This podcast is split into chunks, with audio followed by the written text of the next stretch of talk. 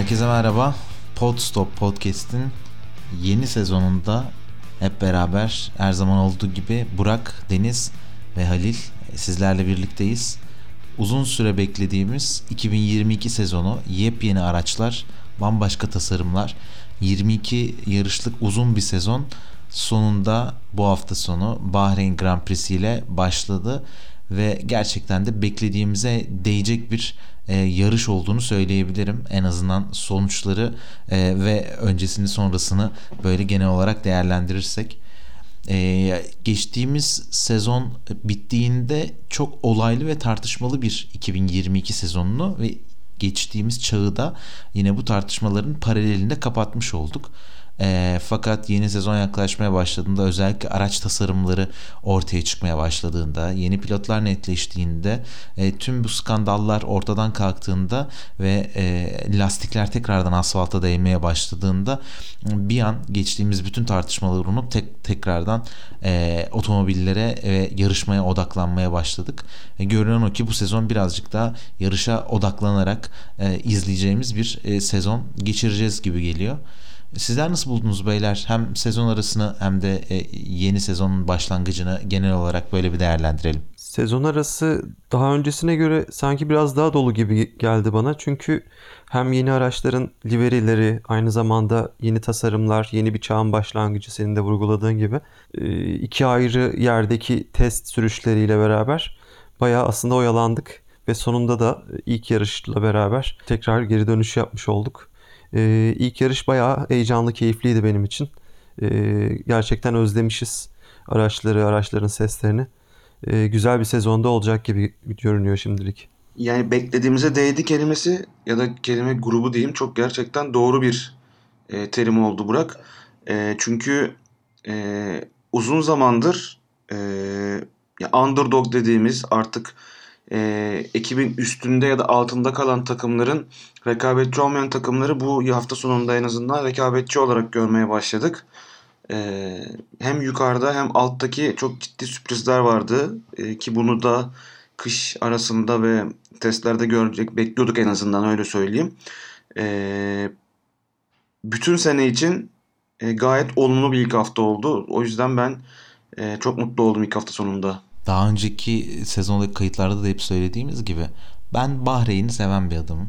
Dolayısıyla Bahreyn Grand Prix'si benim için her zaman zaten şeydir yani e, izlemesi keyiflidir. E, belki böyle sim yarışlarından oyunlarından dolayı böyle pistin her köşesine artık hakim olduğumu düşünüyorum. Bu sebeple pilotların nerede ne yaptıklarını daha iyi anlıyorum. E, o yüzden ben Bahreyn'de başladığımız için çok mutluyum, memnunum yani. E, ve bir de bu başlangıcı yine aslında bir e, bu değişim sürecinde beklentileri yükselten Ferrari dominasyonuyla yaşadık. Şimdi sezon öncesi testlerinde yine sezon arasında sürekli Ferrari ya biz o kadar iyi değiliz. İşte bakın Mercedes daha iyi olur. Red Bull'un daha uzağındayız falan filan diye e, geçirdikleri e, bu kış arasını Barcelona sonrasında hatta Barcelona'da da böyle söylemiyorlardı ama Barcelona sonrasında işte aracımız fena görünmüyor gibi bu sene mutlaka ön sıralarda olmamız gerekiyor şeklinde e, yorumlamaya başladılar. Fakat e, Bahreyn'de antrenman turları da başladıktan sonra bilmiyorum fark ettiniz mi? E, Ferrari'dekiler e, bildiğin artık şey e, kafaya oynayacakları şekilde yorum yapmaya başladılar. İşte Binotto dedi ki pole pozisyonunu tabii ki de hedefliyoruz. Ferrari hep ön sıraları hedefler. İşte pilotlar diyor ki e, zirveye tekrardan oynayacağımız bir araç olması çok önemli. İşte e, ilk iki sıranın haricini başarısızlık olarak görürüz gibi. Böyle yani o kendini saklayan Ferrari ekibi birden e, şey yani ortaya güç koyan bir yapıya büründü ve onların neden bu kadar kuvvetli bir yapı ortaya koyduklarında hem sıralama turlarında hem de sonrasında e, yarışta net bir şekilde gördük. Ya ben aklıma gelen birkaç notu paylaşayım. Ondan sonra zaten hep birlikte e, konuşuruz daha detaylı değerlendiririz ama Ferrari'nin özellikle geçtiğimiz sene hatırlarsanız tam e, biz de beraber gitmiştik. Türkiye Grand Prix'sinden itibaren bu elektriksel verimliliği artırıcı bir güncelleme yapmışlardı ve o dakikadan sonra hakikaten o düzlük hızları konusunda bayağı bir fark yaratmaya başlamışlardı. Yani eski kötü durumu e, ortadan kalkmıştı. E, ben oradan itibaren doğru yönde gittiklerine daha da çok inanmaya başladım. Yani bu sezonla ilgili beklentilerimi resmen Türkiye Grand Prix'sinden sonra arttırmaya başladım. E, ve bugün gördüğümde de yani bu haftaki yarışta bir bakıyoruz maksimum hızlarda Leclerc ve Sainz gridin en gerisinde olan isimler yani maksimum hızı en az olan isimler. Tamam Leclerc anlıyoruz hep öndeydi.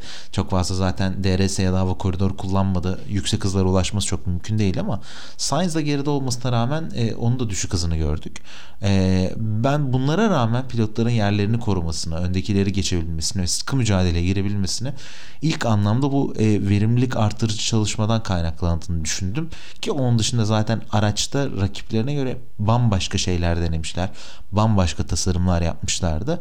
Fakat bu kadar uzun bir çalışma sürecinin ki ben Ferrari'nin sadece geçtiğimiz kış değil yaklaşık bir buçuk yıldır bu araç için çalıştığını e, e, tahmin ediyorum, biliyorum e, ortaya çıkan sonucun inanılmaz e, motive edici ve mutluluk yaratıcı olduğunu düşünüyorum ki e, zaten duble yapan bir Ferrari'de de e, podyuma takım patronunun çıkması çok olağan bir durumdu.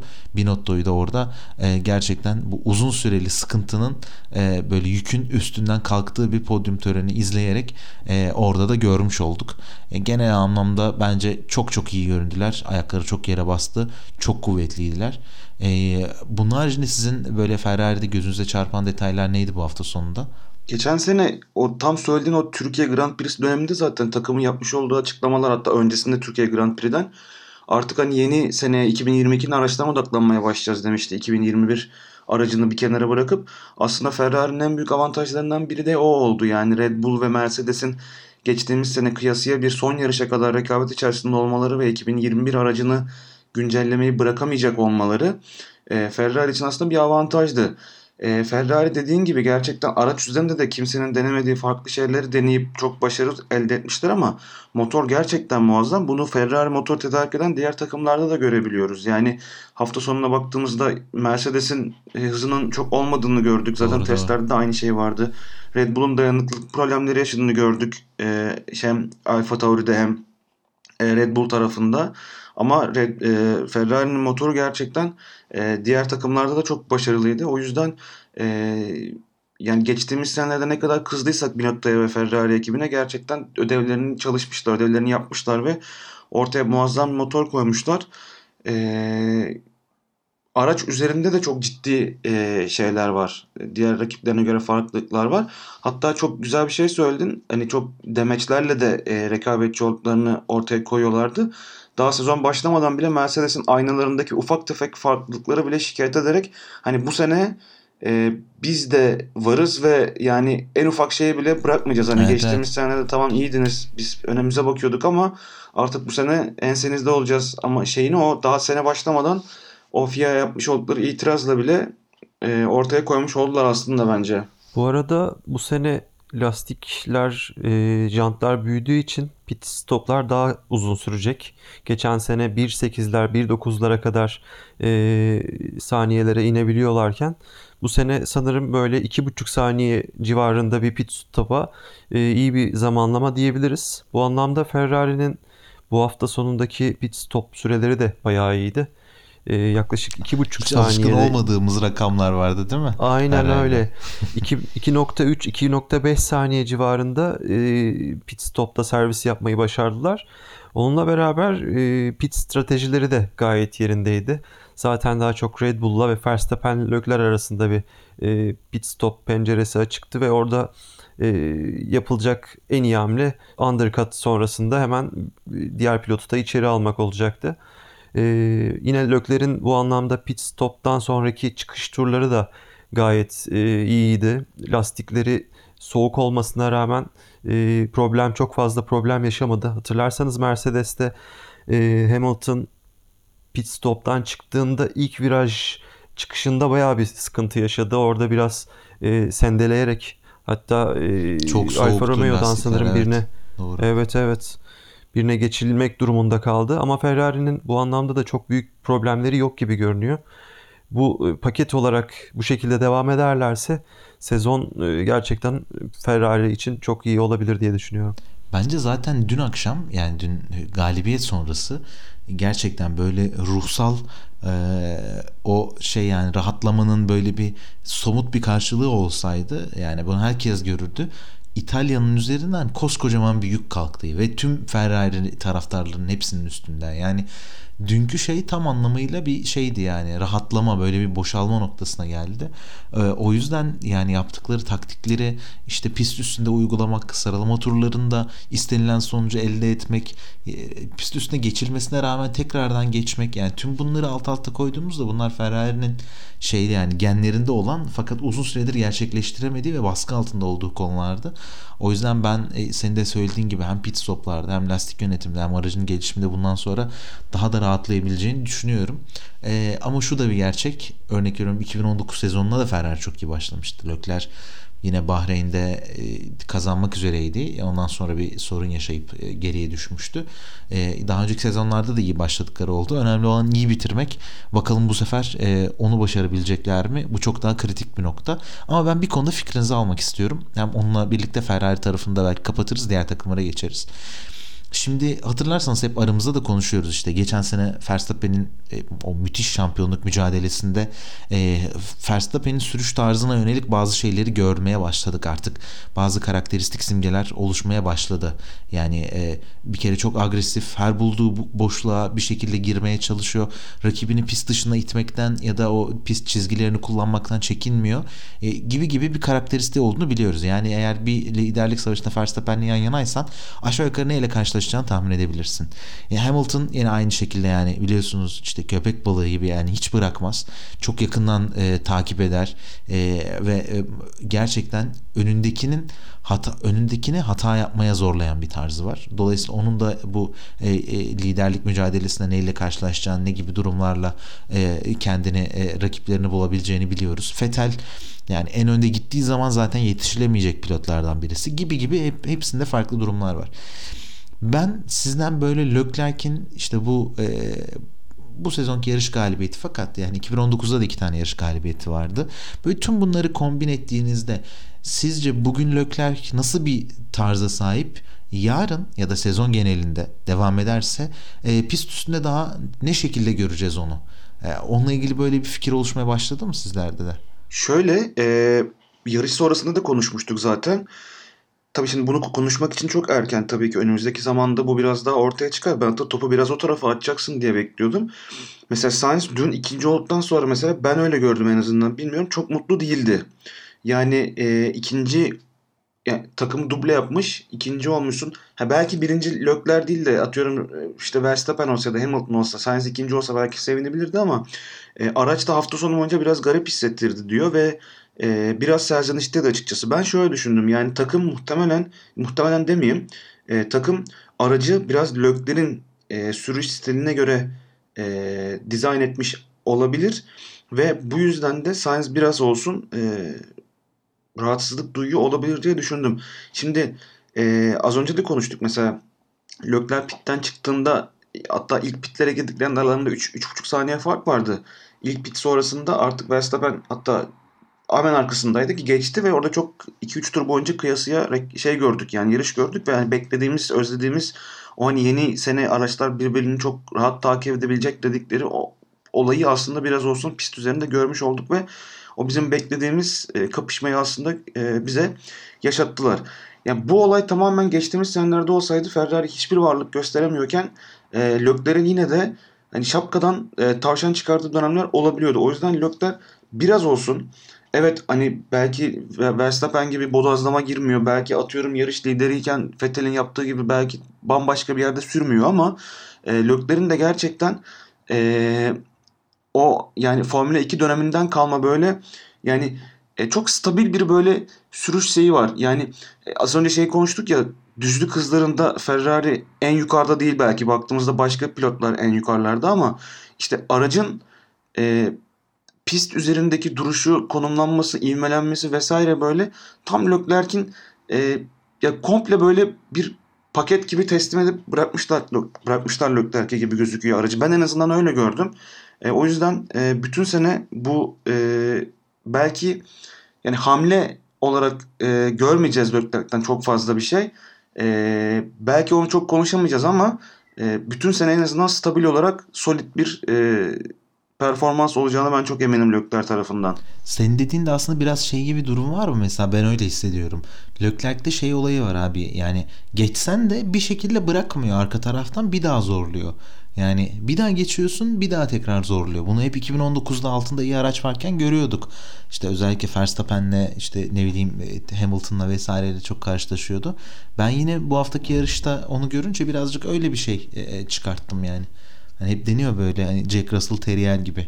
Yani bir türlü bırakmıyor paçanı yani. Tam tam öyle bir şey yani hissiyat aldım Lökler'in şeyinden e, sürüş karakteristiğinden. O da zaten bahsettiğimiz gibi şey savaşçı bir e, stile sahip. Şeyin arkasından gitmeyi seviyor ve belki hani bir karşılaştırma yapmak ne kadar doğru olur bilmiyorum ama bazen böyle durumlarda Verstappen'in e, hırsına ya da işte o, o anlık sinirine e, yenildiğini görebiliyoruz ama Lökler bu anlamda biraz daha e, akıllıca şeyler yapabiliyor.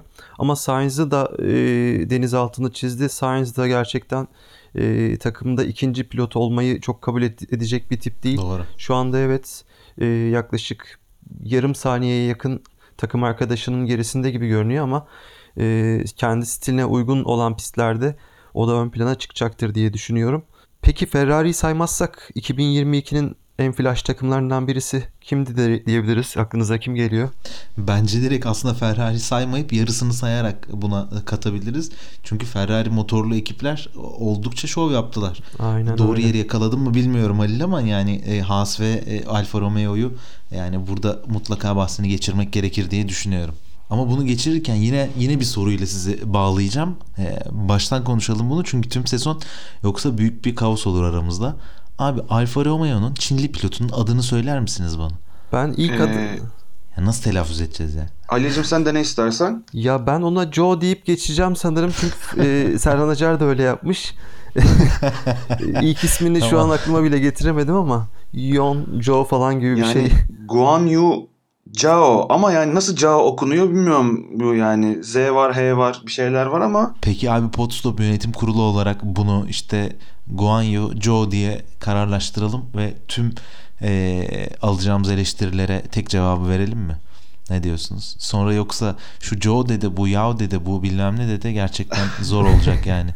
Çok pardon ben birazcık şey yaptım. Ortalığı karıştırdım Halil'cim. Sana bırakıyorum Ferrari motorluları. ya bu tarz pilotlara isimlerini genelde nasıl telaffuz ediliyor diye soruyorlar. Eğer öyle bir kayıt bulabilirsek belki podcast'in sonuna da onu Doğru. iteleyebiliriz Doğru, belki. Doğru olabilir bence de. İsterseniz Magnussen'le Haas tarafına biraz geçelim. Çünkü ben o tarafı konuşmaktan e, sabırsızlanıyorum açıkçası. Adam son anda geldi. Testlere bile yetişip yetişmedi ama ilk yarışta ger- gerçekten muhteşem e, işler çıkardılar. Yani ben Haas'ın evet bir şeyler yapabileceğini düşünüyordum. Çünkü e, rüzgar tünelini en çok kullanan takım oldular. E, Mercedes'ten yaklaşık %35 daha fazla çalışma fırsatları olmuş. Öte yandan Ferrari'den gelen bir e, mühendisleri var Simone Resta. E, onun tabii takımın aracına e, çok büyük faydası oldu. Gerçekten büyük bir sürpriz bence Magnussen'in dönüşü, Haas'ın bu kadar iyi bir araç üretmiş olması.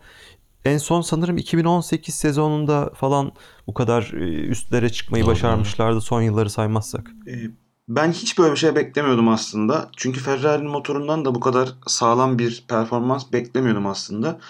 Ee, evet Ferrari'nin biraz böyle e, arka bahçe takımı gibi oldu. Yani e, bu özellikle bu e, şey cap'inden sonra e, harcama bütçe limitinden sonra e, Ferrari hatta özellikle birkaç e, mühendisin Haas tarafına gönderdiği gibi dedikodular da çıkmıştı e, bilgi alışveriş için. Tabii çok e, sağlıklı şeyler değil bunlar yani ama ne kadar doğru olup olmadığını da bilemeyiz gerçi.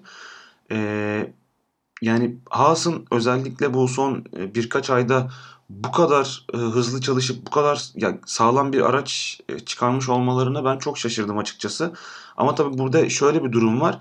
E, Şimdi biz evet çok sağlam çok sağlam diyoruz ama yani Mercedes motoru eğer iyi çalışıyor olsaydı bu kadar e, yine konuşuyor olur muyduk Magnussen'i ya da Haas'ı bilemiyorum. Gerçi e, performansını da ne kadar daha bu şekilde yüksek devam ettirebilecek onu da bilemiyoruz. Çünkü dökülen bir McLaren, Aston Martin var arka tarafta. E, onların önüne bir şekilde çıktılar e, Haas ve aynı zamanda Alfa Romeo. Yani e, umarım Haas eski günlerine geri döner. Çok isterim eski günlerinde olabilmeyi, görebilmeyi ama e, açıkçası beni çok çok şaşırttılar. Hiç böyle performans beklemiyordum yani. Magnussen'i ne kadar sevdiğimi siz iyi bilirsiniz. Yani o yüzden bu dönüşe gerçekten çok mutlu oldum. Bence zaten gidişi de çok hak etmiyordu. Hani son yıllardaki o kötü performanslardan dolayı birazcık e, sanki mimlenmiş gibi oldu ama Magnussen o kadar kötü bir pilot değil yani. E, çok daha iyi bir pilot. O yüzden dönüşü gerçekten bence çok etkileyiciydi. Bence bu kadarını kendisi bile beklemiyordu. Yani Bahreyn'de ilk yarışa e, yani Q3'e kalıp ve yarışta 5. sırada bitirme kendisine sorsan yani dalga geçmeyin abi falan deyip devam ederdi muhtemelen. Ama e, bence Haas'ta daha kritik bir nokta olacak. O da e, e, şey kısmı yani Mick Schumacher kısmı. Çünkü daha önce Mazepin'in yanında çok iyi görünen bir Schumacher varken bu sefer e, belki yeni araçta e, çok hani kendisinden daha fazla bilgiye sahip değil e, bir yıl ara da vermiş. Fakat Formula 1'de önemli bir tecrübeye sahip Magnussen'e karşı e, mücadele verecek. Dolayısıyla onun da böyle kendine kerteriz alabileceği bir performans e, görebiliriz. Yani Mick sezon sonunda eğer işte puan sıralamasında Magnussen'e yakın olursa ya da olur da hani bir ihtimal geçmiş falan olursa ki bu haftaki 10 puandan sonra çok kolay olur mu bilmiyorum ama çok çok çok çok inanılmaz bir başarı olur diye düşünüyorum.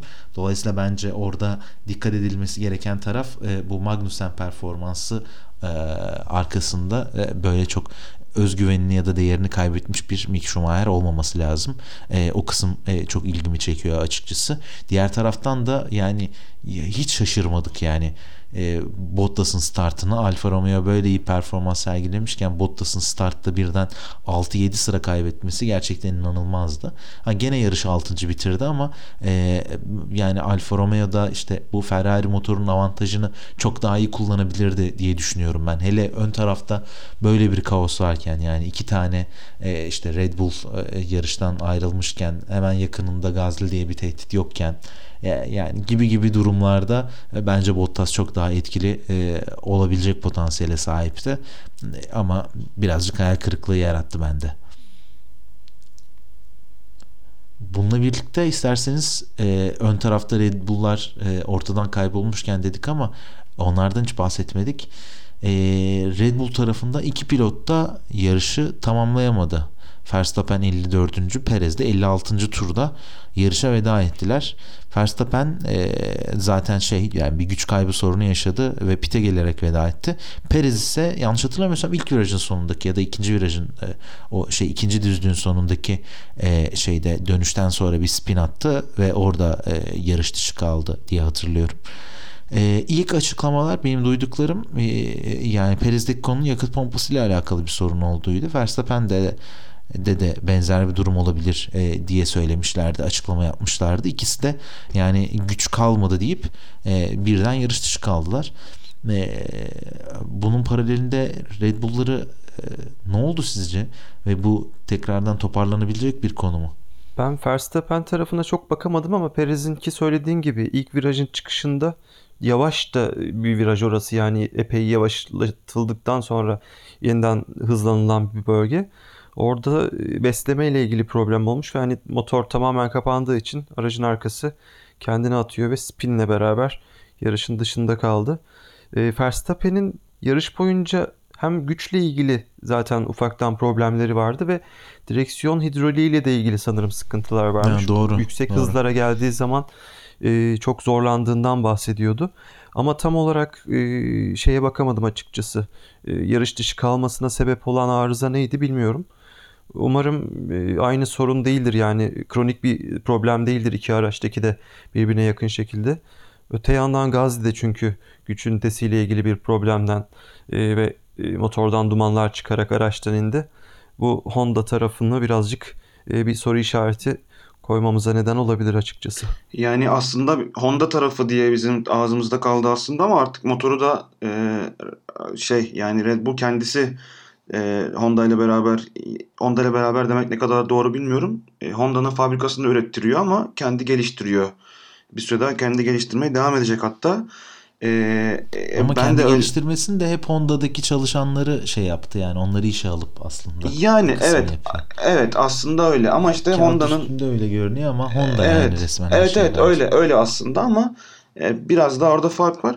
E, evet Gasly de MCUK problemiyle e, yolda kaldı hatta motoru yanmaya başladı. Yani dört tane Red Bull motorlu aracın e, üçü yolda kaldı diyebiliriz. E, çok ufak bir tip not sadece okuduğum kadarıyla bilmiyorum ne kadar doğru. E, Verstappen'in yüksek hızlardaki direksiyon problemi e, pit stop sırasında lift kaldırırken e, oradaki hidroliklerde bir problem yaratmış olabilme ihtimaline e, bağlamışlardı e, direksiyondaki hidroliği ama e, yarış dışı kalmasıyla o hidrolik, direksiyon hidroliğinin pek bir alakası olmadığını söylemişlerdi sonrasında diye okudum ben de. Ya bence birazcık böyle olacak. Tam bu yeni çağ değişimlerinde tabii daha önce artık araçlar kendi e, çaplarında olabilecek en iyi noktaya ulaştıkları için e, bu tarz temel böyle basit sorunlarla karşı karşıya kalmıyorduk. Ama bu geçiş dönemleri birazcık bence bunları da tecrübe etmelerine sebep olacak takımların. İşte pitte lastiği yanlış takma, ne bileyim dediğin gibi hidroliği kaldırma vesaire yapma gibi. O yüzden yani çok büyük takımlarda da çok küçük takımlarda da bunun gibi böyle basit hataları e, görebiliriz. Ki bence bu arada sporu da keyifli ve heyecanlı kılan taraflardan birisi de bu. Diğer türlü çok mükemmelliyetçi olduğu için artık yani şey durumuna geliyorduk. İşte niye Mercedes 2.1 e, saniyede 2, 2 saniyede değil 2.1 saniyede pit yaptı diye bunu tartışmaya geçiyorduk. O yüzden bence birazcık keyfini çıkartmak açısından bunun gibi konularda şey olur, e, iyi olur diye düşünüyorum. Ve e, öte yandan yani Perez'e de baktığımız zaman yani Red Bull'a takım olarak baktığımız zaman e, Perez kendine startta birkaç sıkıntı olsa dahi Mercedes'lerin tekrardan önüne e, rahatça atabildiğini gördük. E, bu da yani Red Bull'un hem motor olarak aslında performansı olarak diyelim e, oldukça iyi bir noktada olduğunu bize gösterdi. Hem de ön tarafta mücadeleci bir e, noktaya gidebileceklerini gösterdi. Çünkü bir ara hatırlarsanız Leclerc Sainz arkasında e, Leclerc Sainz diyorum. Leclerc Verstappen arkasında da Sainz Perez e, böyle yakınlaşması e, olmuştu. E, dolayısıyla e, birbirlerine yakın bir şekilde gidecek olan e, 4 pilotu e, sezon boyunca izlersek e, ne yalan söyleyeyim hiç de fena olmaz açıkçası diye düşünüyorum. Bunun haricinde isterseniz çok kısa Alpine'den de bahsedelim ve ondan sonra kapatalım. Ee, benim çok ilgimi çeken bir taraftı. Özellikle BWT sponsorluğunun geri gelmesiyle birlikte Alpine ilk yarışa ilk iki hafta yanlış hatırlamıyorsam da hatta pembe bir e, araç tasarımı ile birlikte katılacak. Fakat özellikle bu kadar Mercedes motorlu takımların geride kaldığı bir dönemde e, Alpine'in e, Renault motoruyla birlikte geçtiğimiz yıllarda sürekli artan ivmesini bu sezona da yansıttığını görüp e, iki pilotla birlikte puan aldığını görmek her ne kadar sürpriz birkaç yarış dışı kalanlar olsa dahi bence önemli bir sonuçtu. Siz nasıl buldunuz Alpine'deki e, bu değişimi ve gelişimi? Alpine motorları genelde zaten e, yani hızdan çok dayanıklılık olarak biliyorduk biz ama tabi zamanda Red Bull'la beraber yapmış olduk. Yani Renault döneminde Red Bull'la yaşadıkları problemler aslında biraz da e, dayanıklılık problemiydi. Ama sonrasında Alpine'le beraber motoru artık evet hız da belki bir yere kadar ama dayanıklılık anlamında çok ciddi bir yere getirmeye e, çalışacaklarını zaten söylemişlerdi.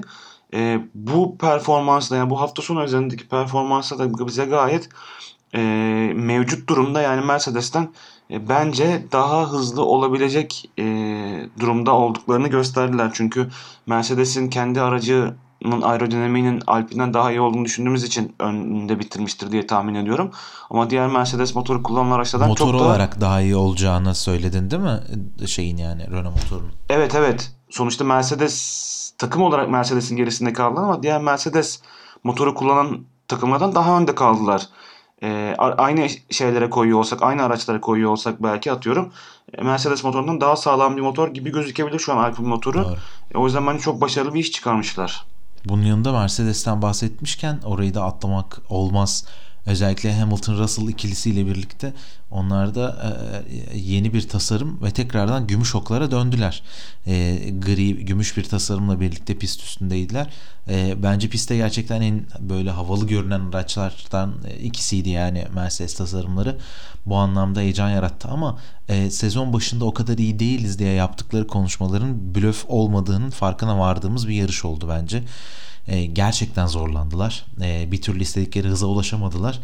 E, fakat buna rağmen yani çok çok klişe mi olacak bilmiyorum ama yani Hamilton'ın ne olursa olsun yarıştan kopmadan devam edip e, ve ön tarafta yaşanan bir problemler sonrasında kendini podyumda bulması e, e, bence yani yine çok büyük bir şey göstermez belki ama yine yani e, o sporculukla ilgili önemli bir noktayı gösterir. E, çünkü gerçekten çok zor bir durumdaydı ve yani baktığında ikincinin 4 saniye arkasında e, liderine 9 9,5 saniye arkasında bitirdi. Yani bu kadar kötü kötü yıkıldı, öldü, bitti dediğimiz Mercedes liderden 10 saniyeden az fark yemiş. Ferrari ölüp bittiğinde liderden tur yediği zamanları hatırladığımız zaman o yüzden Mercedes'in üstüne hemen toprak atmaya gerek olmadığını birkaç hafta daha izleyip son, son güncellemelerle birlikte daha çok dikkat edilmesi gerektiğini düşünüyorum ben Mercedes takım olarak ama e, motor gücü olarak motor performansı olarak Deniz'in söylediklerinin tamamına katılıyorum. Ee, orada son olarak şeye de bir parantez açmak isterim ben. Ee, Russell da sıralamalarda Hamilton'ın yaklaşık bir saniye gerisinde kaldı. Normalde cumartesileri çok daha büyük performanslar ortaya koyabilen bir pilot olmasına rağmen sanırım biraz problem yaşadı sıralamanın son seanslarında. Ee, bunun dışında çünkü yarışta performansı gayet iyiydi otomobilin e, şu anki durumu söz konusu edildiğinde e, problem yaşamadı. Beladan uzak durdu. O da yine Hamilton'ın arkasında yarışı temiz bir yerde bitirdi diyebiliriz. Mercedes'in aracı baz alınarak konuşulduğunda. Russell zaten orada sıralamalarda şey yani farklı bir e, lastik ısıtma e, turu denemiştim. O istediğim gibi gitmedi. O yüzden bu kadar geride kaldım. Hiç memnun değilim diye bir açıklama yapmıştı.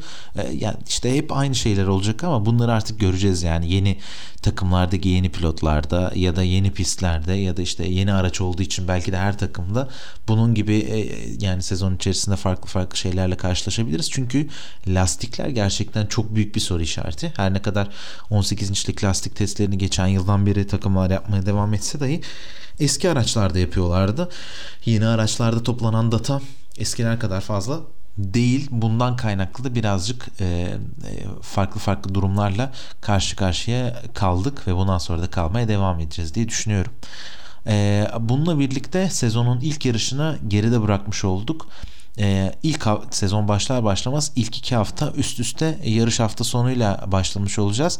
Önümüzdeki hafta Cidde'de Suudi Arabistan Grand Prix'si olacak. Geçen sezonun sondan bir önceki yarışı bu sefer sezonun başlangıçtan ikinci yarışı olarak dikkate e, alacağız onu. E, geçtiğimiz yıl güvenlik açısında yaşanan ciddi sıkıntılardan sonra pistte bir takım güvenlik iyileştirmeleri oldu. E, bununla birlikte takımlar geçtiğimiz sezon ilk defa yarıştıkları yerde bu yapılan ufak tefek iyileştirme geliştirmelerle birlikte antrenman seanslarında tekrardan e, data toplamaya devam edecekler ve sezonun ilk cadde yarışında e, bakalım bizi e, ne gibi e, farklı e, senaryolar karşılayacak diyoruz. Önümüzdeki hafta Suudi Arabistan Grand Prix'sinden sonra yine e, değerlendirme seansında burada sizlerle birlikte olacağız. Haftaya görüşene dek hoşçakalın. Hoşçakalın. Hoşçakalın.